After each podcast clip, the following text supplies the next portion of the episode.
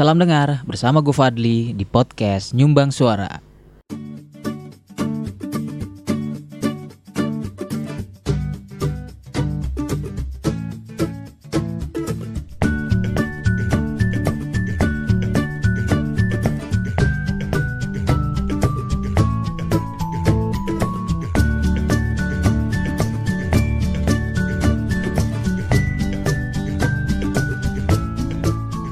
Halo teman-teman semua, selamat datang, salam dengar di episode kedua. Akhirnya episode kedua mengudara juga. eh bentar lagi Lebaran teman-teman. By the way, selamat Lebaran. Waduh, kecepatan ya. Eh, apa namanya? Sebe- Sebentar lagi Lebaran. THR juga udah pada turun kan, mudah-mudahan ya teman-teman. Jangan lupa bayar tagihan. Waduh. Jangan lupa bayar tagihannya teman-teman dan mudah-mudahan di akhir-akhir puasa ini kita makin sering beribadah ya. Jangan rusuh. Jangan ikut-ikutan terprovokasi lah. Mending kita cari ridho ilahi aja.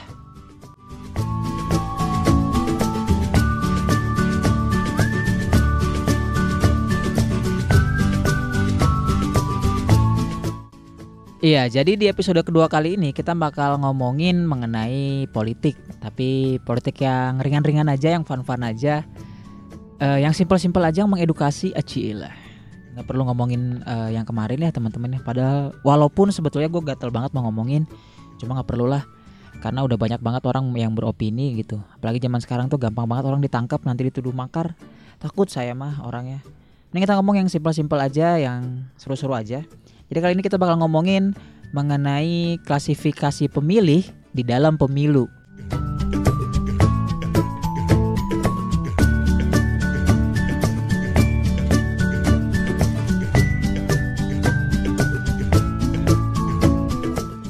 Klasifikasi pemilih dalam pemilu itu dibagi empat ya teman-teman ya. Tapi sebelum gue ngomong lebih jauh, gue mau ngasih tahu dulu sumber informasi yang gue dapat. Jadi eh, bahan bacaan yang gue baca adalah buku yang berjudul Marketing Politik eh, antara pemahaman dan realitas. Ini dikarang oleh Profesor Firmanzah PhD. Buku ini tuh diterbitkan oleh Yayasan Pustaka Obor Indonesia tahun 2012 teman-teman. Jadi gue mengutip teorinya dari buku ini ya. Jadi no hoax nih. Oke, balik lagi ke klasifikasi pemilih dalam pemilu itu dibagi empat ya teman-teman ya secara garis besar. Jadi yang pertama itulah pemilih rasional, yang kedua adalah pemilih kritis, yang ketiga itu pemilih skeptis, dan yang keempat adalah pemilih tradisional. Yang pertama, pemilih rasional. Nah, jadi pemilih dalam hal ini lebih mengutamakan kemampuan partai politik ataupun calon dalam program kerjanya. Program kerja ataupun platform si calon ataupun si partai ini bisa dianalisis dari dua hal nih teman-teman. Yang pertama, kinerja partai di masa lalu ataupun kinerja calon di masa lalu atau yang bahasa Inggrisnya ini backward looking dan yang kedua adalah tawaran program kerja untuk masa depan atau yang bahasa Inggrisnya inilah forward looking. Nah, kedua hal ini kedua hal ini ya teman-teman ya sama-sama mempengaruhi si pemilih. Mereka tidak hanya melihat program kerja ataupun platform partai ataupun calon yang berorientasi ke depan, tapi juga menganalisis apa saja yang telah dilakukan oleh partai tersebut di masa lampau. Nah, pemilih jenis ini memiliki ciri khas yang tidak begitu mementingkan ikatan ideologi kepada suatu partai ataupun calon. Faktor seperti paham, asal-usul, nilai tradisional, budaya, agama, dan psikografis memang dipertimbangkan juga sih, tetapi bukan hal yang signifikan. Pemilih dalam hal ini ingin melepaskan hal-hal yang bersifat dogmatis, tradisional, dan ikatan lokasi dalam kehidupan politiknya. Analisis kognitif dan pertimbangan logis sangat dominan dalam proses pengambilan keputusan. Hal yang terpenting bagi jenis pemilih ini adalah apa yang bisa dilakukan oleh sebuah partai ataupun calon untuk ke depannya dan nilai-nilai apa yang mau dia bawa ke depannya nih. Terus pemilih tipe ini tidak akan segan-segan juga pindah ke lain hati dengan beralih dari partai politik ataupun calon ke partai politik lain ataupun ke calon lain ketika mereka dianggap tidak mampu menyelesaikan permasalahan nasional. Nah, jadi yang pertama itu adalah pemilih rasional, teman-teman. Jadi pemilih rasional ini nih mereka itu tuh e, memilih seseorang itu berdasarkan ya dari program kerjanya aja. Jadi dia nggak nggak nggak mentingin tuh agamanya apa, orang dari etnis mana. Yang penting program kerja lu tuh kayak gimana. Tapi orang-orang pemilih rasional ini juga nggak hanya uh, memilih orang tuh berdasarkan program kerjanya doang, tapi dilihat juga nih, lu itu tuh sebenarnya udah ngelakuin apa aja sih ke masyarakat gitu. Jadi nggak cuma apa yang akan dikerjakan, tapi apa yang sudah dikerjakan. Nah pertimbangannya kayak gitu. Jadi benar-benar nggak mikirin apa pun, nggak mikirin dia berasal dari mana, orangnya seperti apa, apakah orangnya temperamental, apakah orangnya rajin ibadah, apakah orangnya uh, agamanya sama, enggak. Mereka tuh uh, hal-hal itu. Yang penting adalah lu tuh program kerjanya kayak apa. Kalau ke program kerja lu oke okay, menurut gue dan yang udah lu lakuin bagus, gue bakal milih lu. Nah ini adalah salah satu ciri-ciri dari pemilih rasional teman-teman.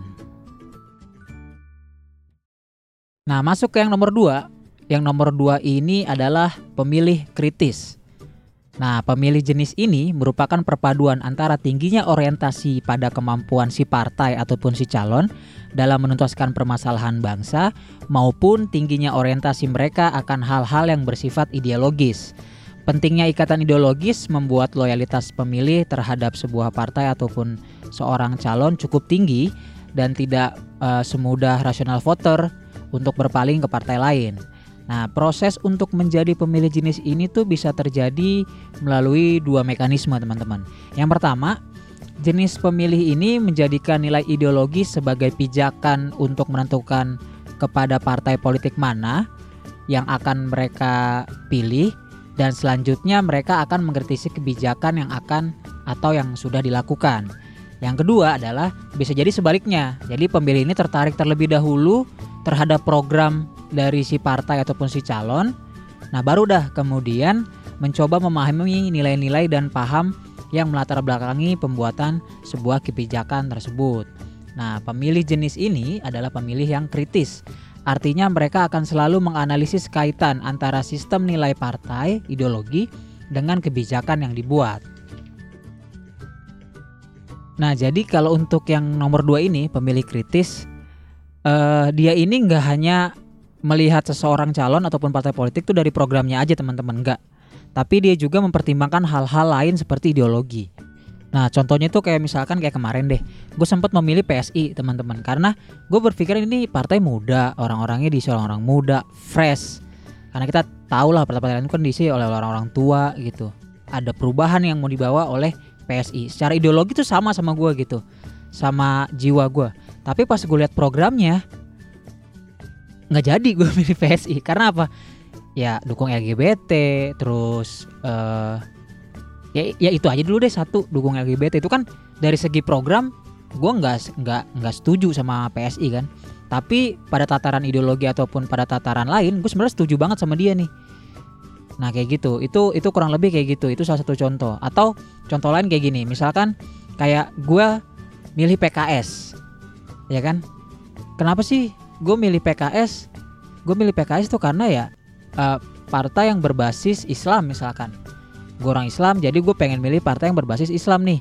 Udah punya nih kesamaan ideologi gue sama PKS terus gue lihat nih program-program kerjanya apakah PKS ini mencerminkan uh, nilai-nilai keislaman program-program yang dia bawa ke depannya itu. Program-program yang dia bawa adalah program-program yang memang uh, tidak bertentangan dengan syariat Islam tapi juga tidak bertentangan dengan Pancasila Nah pertimbangan itu kayak gitu teman-teman. Jadi sebelum gue memilih orang tuh, gue memilih ada faktor ideologi, ada faktor nilai ataupun paham yang gue pertimbangin. Tapi di sisi lain gue juga mempertimbangkan program-program apa yang dia bawa. Jadi nggak hanya program aja, tapi gue juga mencari kesamaan paham, mencari kesamaan nilai sebelum memilih calon ataupun partai politik gitu.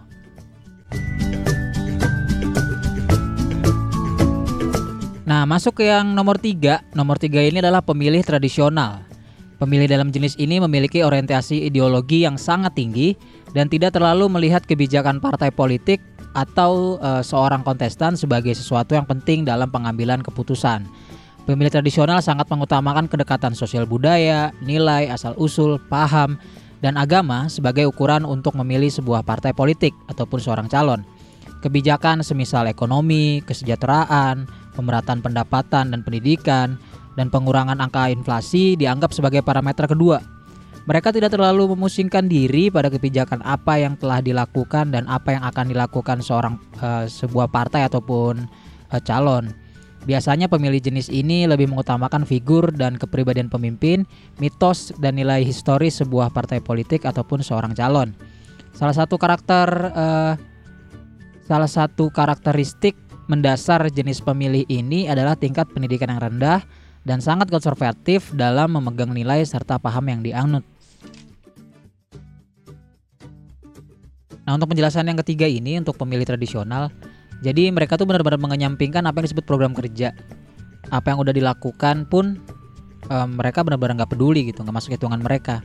Jadi yang terpenting adalah selama lu agamanya sama-sama gue, uh, rasnya lu sama-sama gue, gue bakal milih lu mau program kerja lu bagus mau lu udah ngelakuin sesuatu yang baik saat lu menjabat bodo amat.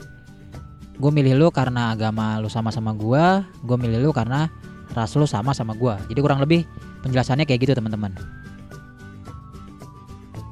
Nah masuk ke yang terakhir yaitu pemilih skeptis.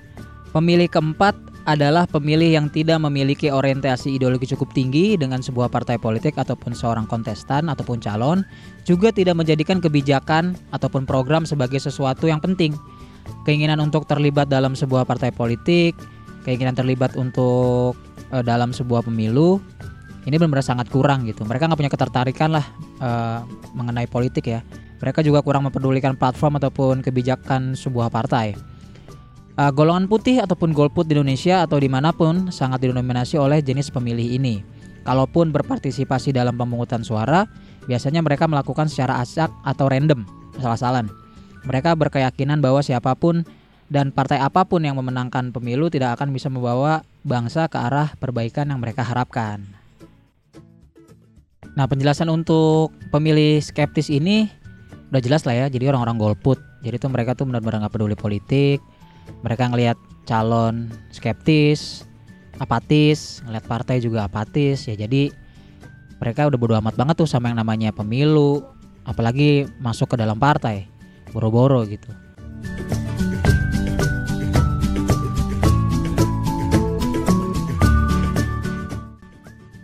Nah itu tadi teman-teman. Jadi klasifikasi pemilih di dalam pemilu. Ada empat pemilih rasional, pemilih kritis, pemilih tradisional, dan pemilih skeptis. Nah kalau teman-teman sendiri masuk ke kategori yang mana nih kira-kira? Kalau gue pribadi, kalau gue ya, kalau gue pribadi, gue kayaknya masuk ke pemilih uh, kritis teman-teman. Jadi gue memang sangat-sangat uh, sangat-sangat penting banget itu yang disebut dengan platform ataupun program kerja ya. Tapi di sisi lain, gue juga mencari kesamaan ideologi yang relate sama gue. Nah orang-orang kayak gue ini uh, cukup banyak juga sih kayaknya di Jakarta ataupun di Indonesia ya. Cukup banyak. Jadi nggak cuma uh, melihat calon ataupun partai politik dari uh, dari apa namanya dari ininya aja dari program kerjanya aja tapi gue juga ngelihat dari kesamaan ideologi kesamaan paham kesamaan nilai yang dianut. Dan gue juga uh, seringnya tuh uh, membandingkan tuh kesamaan nilai yang dianut sama si partai dengan program kerja si partai itu gitu. Apakah sesuai atau tidak? Nah, jadi kalau teman-teman sendiri masuk uh, kategori yang mana nih teman-teman? Apakah teman-teman masuk ke yang rasional? Apakah teman-teman masuk ke yang kritis sama kayak gue juga? Atau teman-teman masuk ke yang skeptis ataupun tradisional?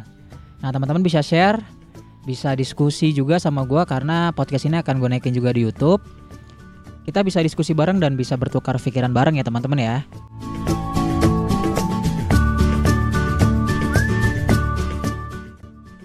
Oke, mungkin sekian dulu aja podcast episode kedua dari podcast Nyumbang Suara. Terima kasih teman-teman yang udah dengerin dari pertama sampai akhir. Mudah-mudahan podcast ini bisa berguna bagi teman-teman, bisa menambah pengetahuan untuk teman-teman juga. Sekian dulu deh podcast Nyumbang Suara kali ini. Udah kepanjangan. Gue Fadli dari podcast Nyumbang Suara. Fadli pamit. Thank you.